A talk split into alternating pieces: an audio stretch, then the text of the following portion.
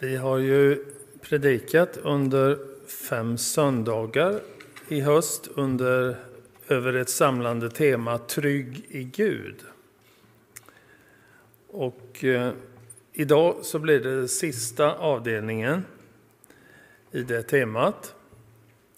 Och, och då är undertemat Trygg i en evig Gud.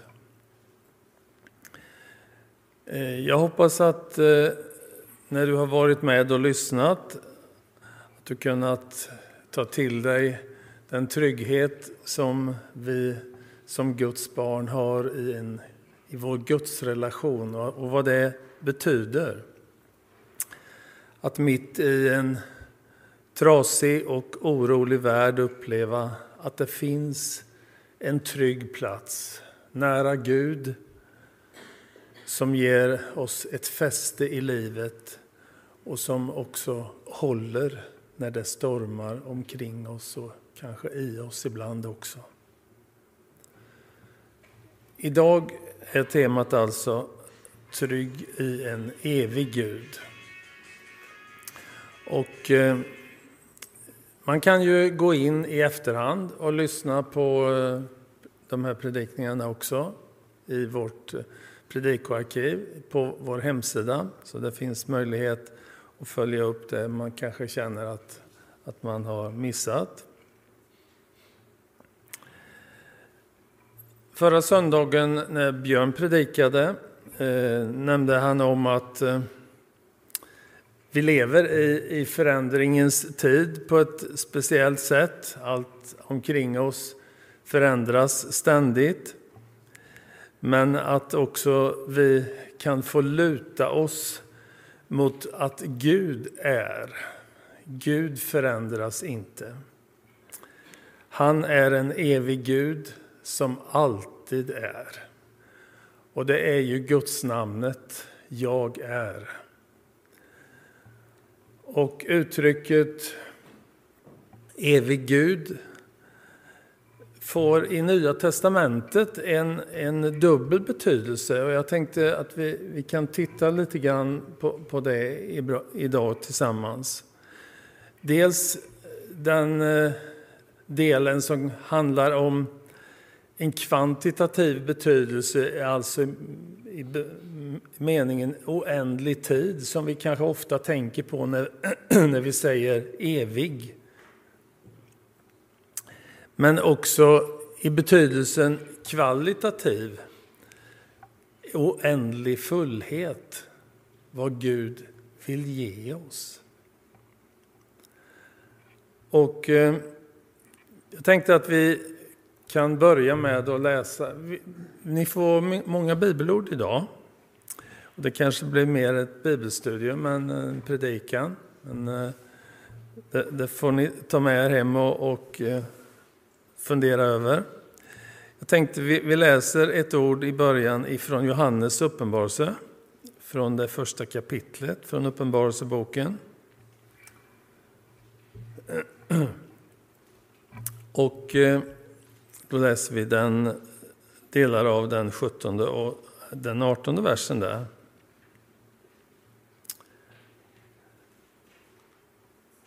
Jesus la sin högra hand på Johannes och han sa Var inte rädd, jag är den förste och den siste och den som lever.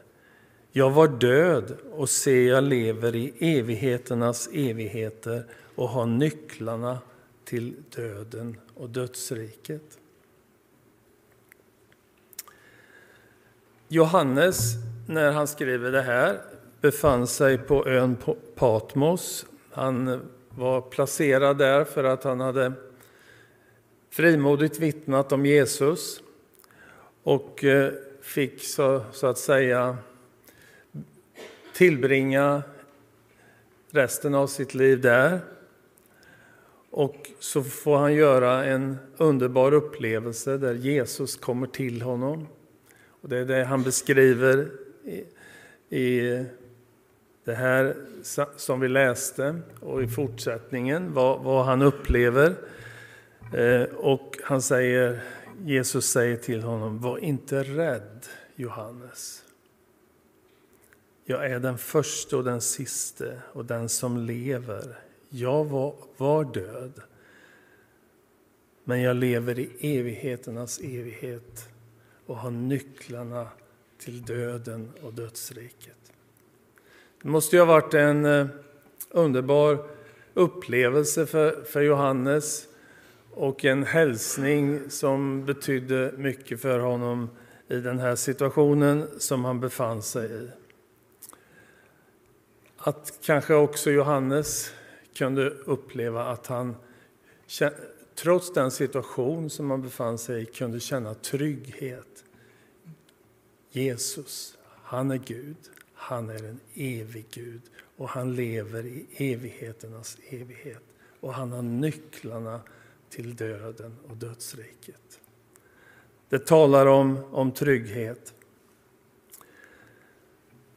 Jag sa att eh, vi kunde i, i Nya testamentet se att, att eh, evig Gud kunde ha två olika betydelser. Dels att vi tänker på oändlig tid. Och eh, om vi tittar lite grann på det först. En Gud som är oföränderlig i oändlig tid.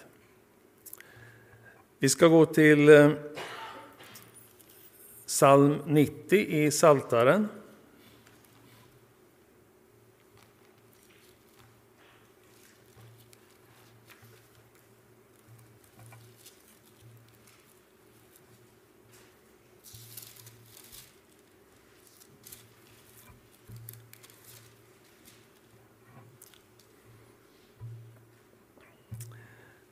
Där skriver Mose så här.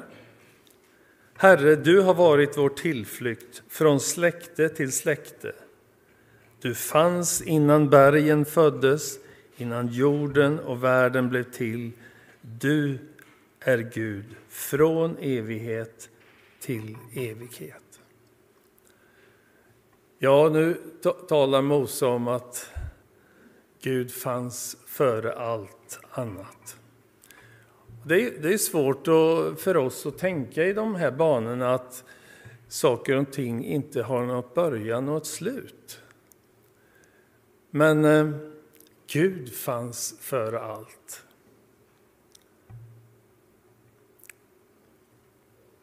Och eh, från evighet till evighet. Ja, var finns början och slutet på det? Det, det, är svårt för oss att, att placera de sakerna där vi kanske vill ha dem på något sätt. Men det talar om Guds oändlighet, Guds storhet. Och så skriver eh, Mose här, i, eller säger Mose här i, i den här salmen Du har varit vår tillflykt från släkte till släkte. Det talar om att att generation efter generation som har trampat den här jorden har fått uppleva att Gud har varit deras tillflykt. Och så har vi lyssnat till vittnesbörden av människor som, som vi har haft kontakt med under vårt liv, som har varit äldre än oss, som har berättat för oss att Gud har varit deras tillflykt under livets olika förhållanden. Och så har det fortplantats generation efter generation. Gud är vår tillflykt. Vi ska gå till den 145 salmen också.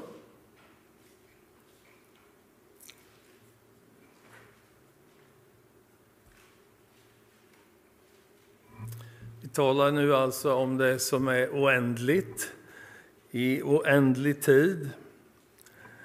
Och det skriver David, som har skrivit den här salmen i den trettonde versen. Ditt rike står i alla tider, ditt välde från släkte till släkte. Gud bygger sitt rike på jorden och det är ett rike som står i alla tider. När vi eh, ser på det som händer i världen så vet vi att riken står och riken faller och det förändras hela tiden. Därför att maktbalansen skiftar och människor förlorar makt och människor tar makt. Men Guds rike står i alla tider. Jesus eh, blev ju gripen när han vandrade här nere och, och förd till Pilatus. Och det, det, det, var ju där som han också dömdes till döden och korsfäst, för att korsfästas. Eh, Pilatus ville ju inte döma Jesus till döden för att han upplevde att när folket skränade och ville ha Jesus utlämnad till att korsfästas så, så kände Pilatus att det är en rättfärdig man som jag har att göra med. Han förtjänar inte döden.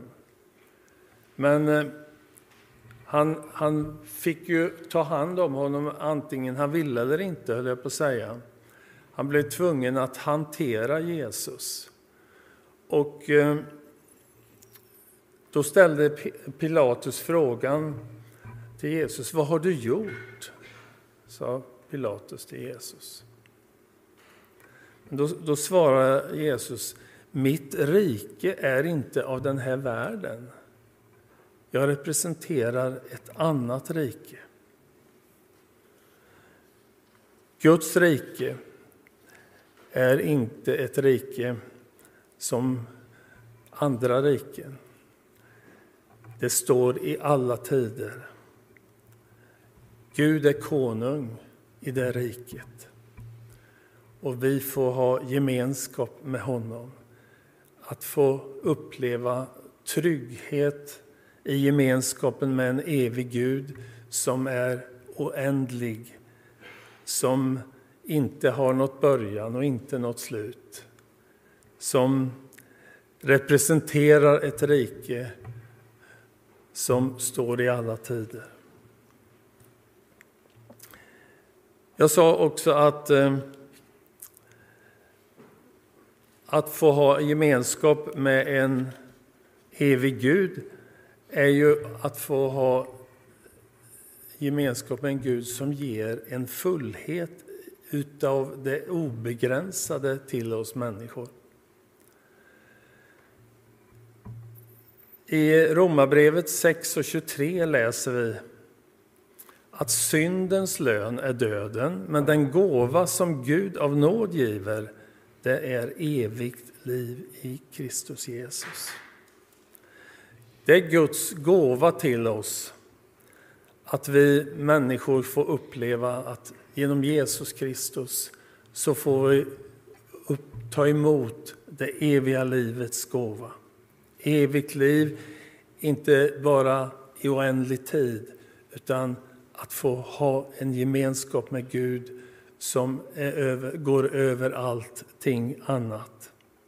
Han har tagit våra synder.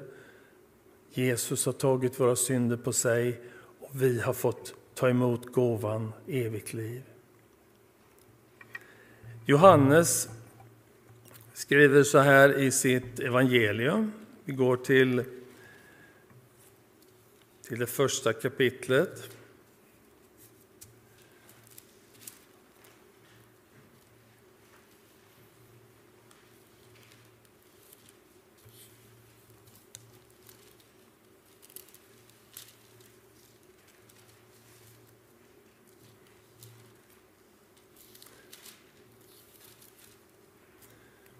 En känd vers, tolfte versen, där Johannes skriver Men åt dem som tog emot honom, Jesus, gav han rätten att bli Guds barn åt alla som tror på hans namn.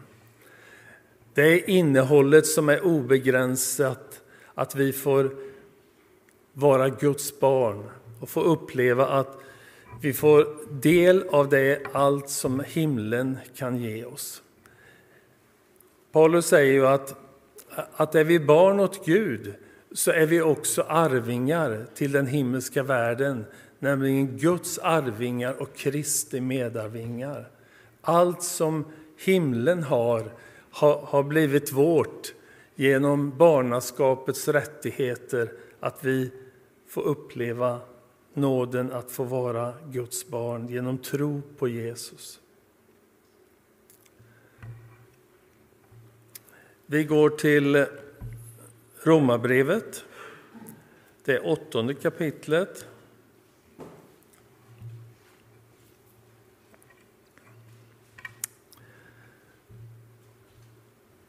Där talar Paulus om att Gud har gett oss allt genom Jesus. Den 31 versen. Vad innebär nu detta?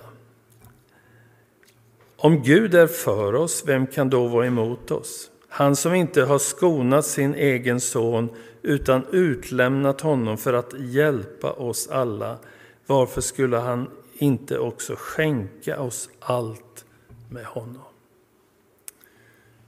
Gud har inte skonat sin egen son, utan han har utlämnat honom till att dödas och ta synden på sig för att hjälpa oss alla, säger Paulus, och för att ge oss allt med honom.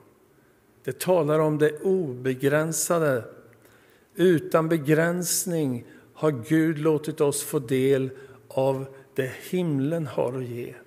Det Gud ger oss människor av bara nåd. Och eh,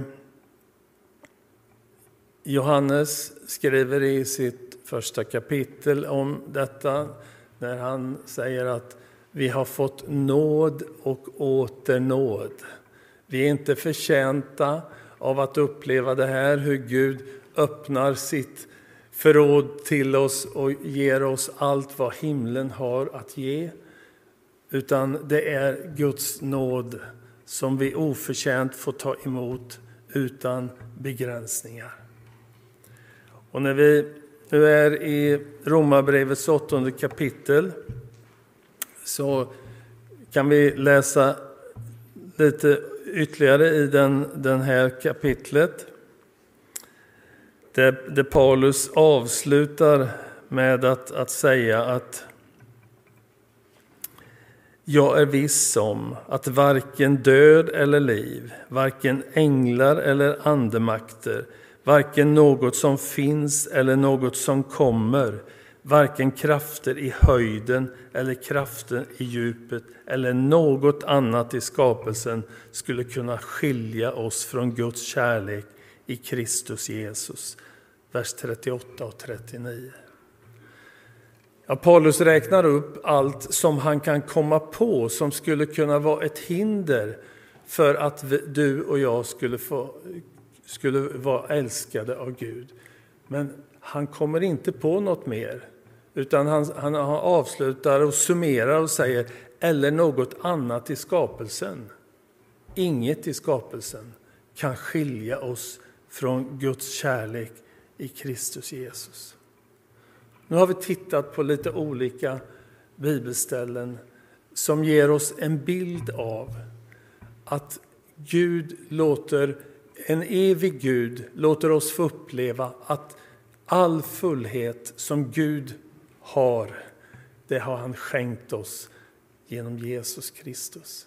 Och det är vårt när vi tar emot den gåva som Gud av nåd ger, som är evigt liv i Kristus Jesus. Den tredje punkten i min predikan vill jag skulle vara att en evig Gud, det är den guden som ger oss ett hopp, ett evigt hopp. När Jesus talar i sitt avskedstal till sina lärjungar i Johannes evangelium. Så vi, vi återvänder till Johannes evangeliet och vi går till det fjortonde kapitlet där Jesus börjar sitt avskedstal. Då, när Jesus börjar tala om att han ska gå bort och lämna dem. Och eh, Han talar ju lite längre fram i kapitlet här, att, eh, eller i, i Johannes evangeliet om att han ska sända hjälparen, den heliga Ande, till lärjungarna när han själv går bort. Men eh, vi förstår att när Jesus började tala om att nu lämnar jag er, jag går bort, jag går till min fader i himlen, så började oron sprida sig i lägret. Lärjungarna som hade haft några intensiva och fina år tillsammans med Jesus och kände att Jesus är vår trygghet. Det är honom som vi kan luta oss mot i alla lägen. Han är vår trygghet. Nu ska han lämna oss. Och det kände ju naturligtvis Jesus, den stämningen som fanns hos lärjungarna. Och då, då talar han till dem på det här sättet. Vi läser från den första versen, 14 kapitlet. Känn ingen oro. Tro på Gud och tro på mig. I min faders hus finns många rum. Skulle jag annars säga att jag går bort för att bereda plats för er och jag ska komma tillbaka och hämta er till mig för att ni ska vara där jag är. Jesus lät lärjungarna förstå att jag har berett, eller går bort för att bereda plats åt er i mitt fullkomliga rike. Jesus ville vara deras trygghet också när han lämnade dem och försäkrade dem om att en dag så kommer jag igen och då ska jag ta er till mig för att jag vill att ni ska vara också där jag är. Det här är ju vårt evighetshopp som Guds barn, som Jesus planterade i sina lärjungars hjärtan och som han har planterat i våra hjärtan när vi tror och tar emot det Jesus har gjort. Så får vi äga det eviga hoppet att han har berett ett rum åt oss i sitt fullkomliga rike en dag då allt ska stå färdigt. Jesus vill att vi ska vara trygga i hans gemenskap medan vi lever och vandrar på den här jorden. Och vill plantera i våra hjärtan att det finns också en trygg framtid i Guds eviga värld tillsammans med mig. Och det, det är lite eh, fint att se i, det, i den här texten som vi läser i det 14 kapitlet att Jesus har bokat plats åt oss i sitt rike. Jag ska bereda plats åt er. Det finns, det är färdigt så att säga. Och så säger han att jag ska komma igen och ta er till mig. Han kommer för att hämta oss till sitt eviga rike. Det är vårt framtidshopp som Guds barn som vi får äga i tron på honom. Det handlar om vår trygghet i Gud och trygg, att vi kan få vara trygga i en evig Gud. Och vår trygghet vilar ju på vad Gud har gjort genom Jesus Kristus. Inte vad vi har kunnat åstadkomma, utan vad Gud i sin nåd har gjort för oss genom Jesus. Och Paulus säger ju när han talar om det Jesus har gjort att ingen kan lägga en någon annan grund än den som är lagd, nämligen Jesus Kristus. Och profeten Jesaja han talar i det tolfte kapitlet och den andra versen. Det är en tacksägelsesalm i Jesajas bok. Han skriver så här. Ja, Gud är min räddning. Jag är trygg, jag är trygg och utan fruktan. Mitt kraft och mitt värn är Herren, han räddade mig. Det var hans personliga tacksägelse och vittnesbörd. Ja, Gud är min räddning. Jag är trygg och utan fruktan. Min kraft och mitt värn är Herren. Han räddade mig. Och så kan vi också få uppleva det på samma sätt. När vi känner att det är mycket som oroar och som skapar oro för oss i den här världen så kan vi ändå få ha vår trygghet i Gud och uppleva han sviker inte. Han är en evig Gud som stöttar oss i alla lägen. Han är på vår sida, som vi läste i, av, av Paulus i Romarbrevet. Om Gud är för oss, vem kan då vara emot oss? Gud är för oss. Jag tycker vi... Eh, jag avslutar med att vi läser den här versen som, som vi läste i början i Uppenbarelseboken. Jesu hälsning till Johannes i första kapitlets 17 och 18 vers. Var inte rädd. Jag är den förste och den siste och den som lever. Jag var död och se, jag lever i evigheters evigheter och har nycklarna till döden och dödsriket. Vi kan få vara trygg i en evig Gud. Herre, tack för att vi får påminna varandra om idag att det finns trygghet i gemenskapen med en evig Gud. Tack för att du har gjort allt för oss. Du har öppnat en väg till Guds gemenskap genom din son Jesus Kristus. Vi får komma på den vägen och vi får uppleva att den håller hela vägen. Du är med, har du lovat, alla dagar in till tidens ände. Och så tackar vi dig för att vi får, har fått påminna varandra om att du har berett ett hem och ett, en plats åt oss i ditt fullkomliga rike en dag när vi har, har levt färdigt vårt liv här på jorden eller du kommer direkt för att hämta oss till din härlighet. Herre Jesus, tack för att vi får vandra med dig varje dag och lägga vår svaga hand i din starka hand. Och du vill vara med oss och låta oss få uppleva att du ger oss kraft för varje dag. Du som har övervunnit döden och du som lever i evigheternas evighet. Amen.